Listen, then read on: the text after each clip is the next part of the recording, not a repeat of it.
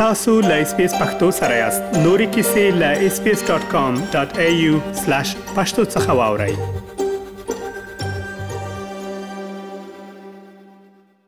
په پیښور کې پر فوزي خونځي باندې د وسلواله برید د دغه غمجنې ومه کلیزه په داسې حال کې لمانځل کیږي چې د پیښې په اړه باندې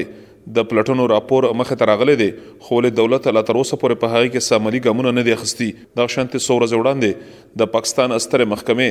د هېواد صدراعظم عمران خان محکمې ته رابللی و او د هغه څخه یې وپوښتل چې په راپور کې کوم معلومات مخ ته راغلي دي، نو ولې پر هغې باندې دولت عملي ګامونه نه اخلي. دغه شانه د دغه پیښې پړه تحریک طالبان په خپل سر اخیسته و چې اوس دولت وسره خبرې کوي خو په پیښه کې د وجل شو مشمنو کورنۍ وایي چې هیڅوک هم د حق نه لري چې د هغه خلکو سره خبرې وکړي او یا هغه ته معافي ورکړي چې پر فوزي خونځي وسلواله برید تر سره کړی دی او د دوی د کورنۍ خلک یې وجلي دي یا د پیښه په 14 دسمبر 2014 کال کې په پیښور خار کې په هغه مهال کې رامخې ته شوه چې وسله والو پر یو فوځي ښونځي باندې برید وکړو. دغه شان په پېښه کې یو سل دوه دېرش ماشومان، د ښونځي استادان او د نورو کارمندانو به شمول ټول یو سل او یو څلوېښت تنان ووژل شول. د پېښې نه سمدستي وروسته د وژل شوو تنانو د کورنیو خلکو په دغه خونړې پېښه کې د ککړو تنانو د نیولو او هغوی ته د سزا د ورکولو غوښتنه کړې وه. طارق چې خپل دوه ماشومان یې په دغه پېښه کې د لاسه ورکړي دي، او دغه شانتې يو ماشوم يې د اتو مرميو د لګېدو سره ژوبل شوی وو،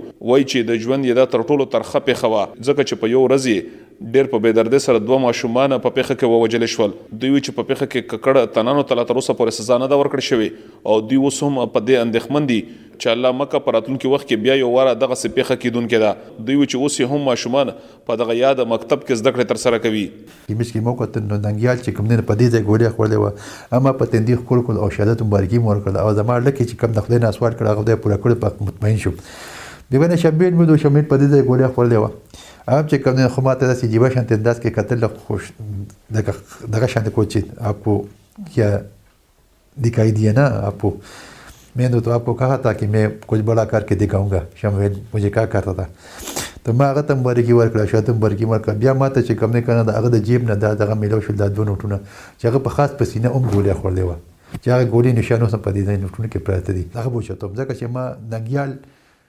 نوم چی ښوده لری کنه نو خپل بچی له په دی خه. زما خو نور بچی هم دی سکول ته ځی کنه د هغوی د مستقبل به ما سره غم نی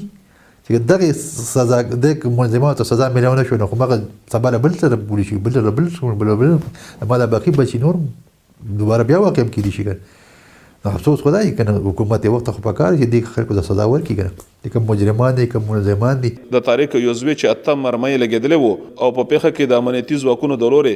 دوی په مړي حساب شوي وو خو له درملنې وروسته د دوی ژوند وژغورل شو دوی د پېښې په اړه باندې وویل.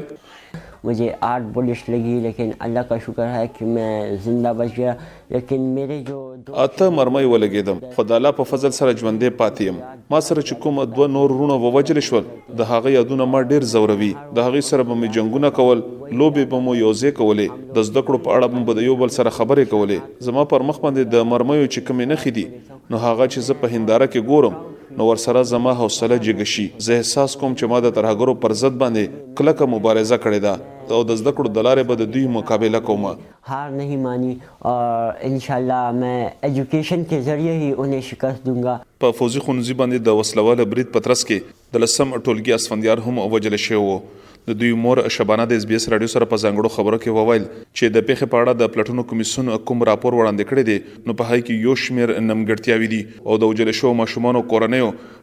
پر هغې نیوکې کړې دي. دوی وویل چې په راپور کې په ښکاره ډول باندې څوک ذمه وار نه دي ګرځول شوي چې له چا د بې غورۍ له امله دغه پېښه رامخته شوې ده. دوی وویل چې د قضیې په اخري اورېدنه کې دوی سترې محکمې ته د اوو جګپوړو چارواکو نومونه اخیستي وو چې د دوی په وخت باندې د ګام نه اخیستو له امله دغه پېښه رامخته شوه.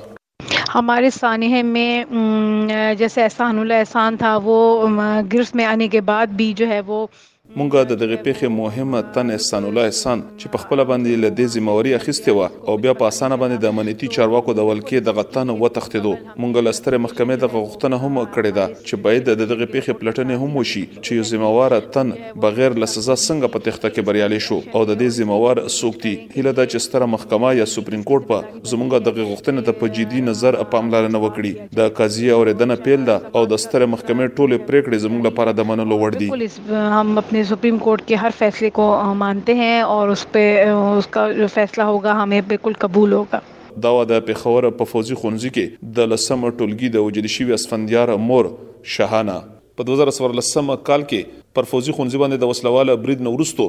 د هېواد سیاسي او فوځي مشرانو په هېواد کې د ترهګرۍ له منځه د وړلو لپاره قامي کڼلاره یا نېشنل اکشن پلان جوړ کړو چې تر مخه یې د هېواد په ځینو برخو کې لوی فوځي عملیات وشول دغه شانتې د پاکستان پر ټولو لوی ښار کراچۍ کې د خراب امنیت پر ضد باندې هم کلک عملیات ترسره شول او دغه شانتې ډېر کلونه پس په یاد ښار کې امن ځای پر ځای کړی شو. بل خوا پر فوځي ښونځي باندې د وسله واله برید وروسته د وژل شوو ماشومانو کورنیو د پاکستان د سترې محکمې نه د پلټنو غوښتنه کړې وه. دغه شانتې د سترې محکمې پخواني مشر جسټس ثاقب نثار په یو امر سره د پېښور سترې محکمې ته د یادې پېښې په اړه باندې د پلټنو امر کړی وو او دغه شانتې د دې لپاره یې د محکمې یو قاضي مقرر کړی وو. په دوه زره شلم کال د جولای په میاشت کې د پنځه سوه پاڼو یو څېړنیز راپور خپور کړی شو او د پیښې په اړه باندې یو سل دوه درش تنانو بیانونه واخیستل شول چې پکې یو سل یو ادي وګړي او دغه شانتې یو درش امنیتي چارواکي وو په دغه راپور کې ځنې خبرې مخې ته راغلې خو لا تر اوسه پې څه عملي ګامونه نه دي پورته کړی شوي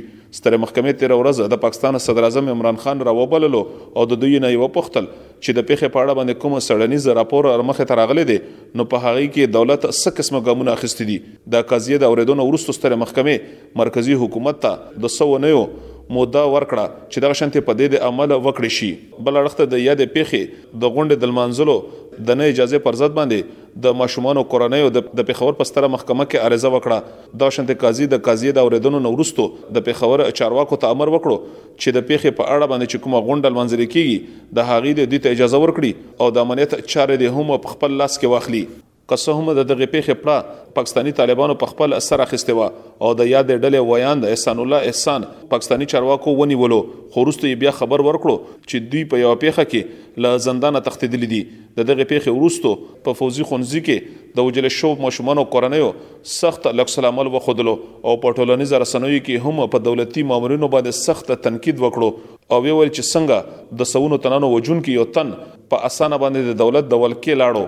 دغه شان اوس په نږدو کې دولت اعلان کړی دی چې دوی د امنیت د زی پر زی ساتلو پر غرض باندې د پاکستاني طالبانو سره خبرې کوي په هغه باندې هم یادو کورنیو سخت نیوکې کړې دي او ویلي دي چې هیڅوک هم حق نه لري چې د هغه خلکو سره خبرې وکړي چې د فوزي خونځي ترڅنګ په نورو یو شمېر ځایونو باندې وسلواله بریدونه تر سره کړي دي او ډېری خلک یې وجلي دي اسلام ګل افریدي اس بي اس رادیو پېښور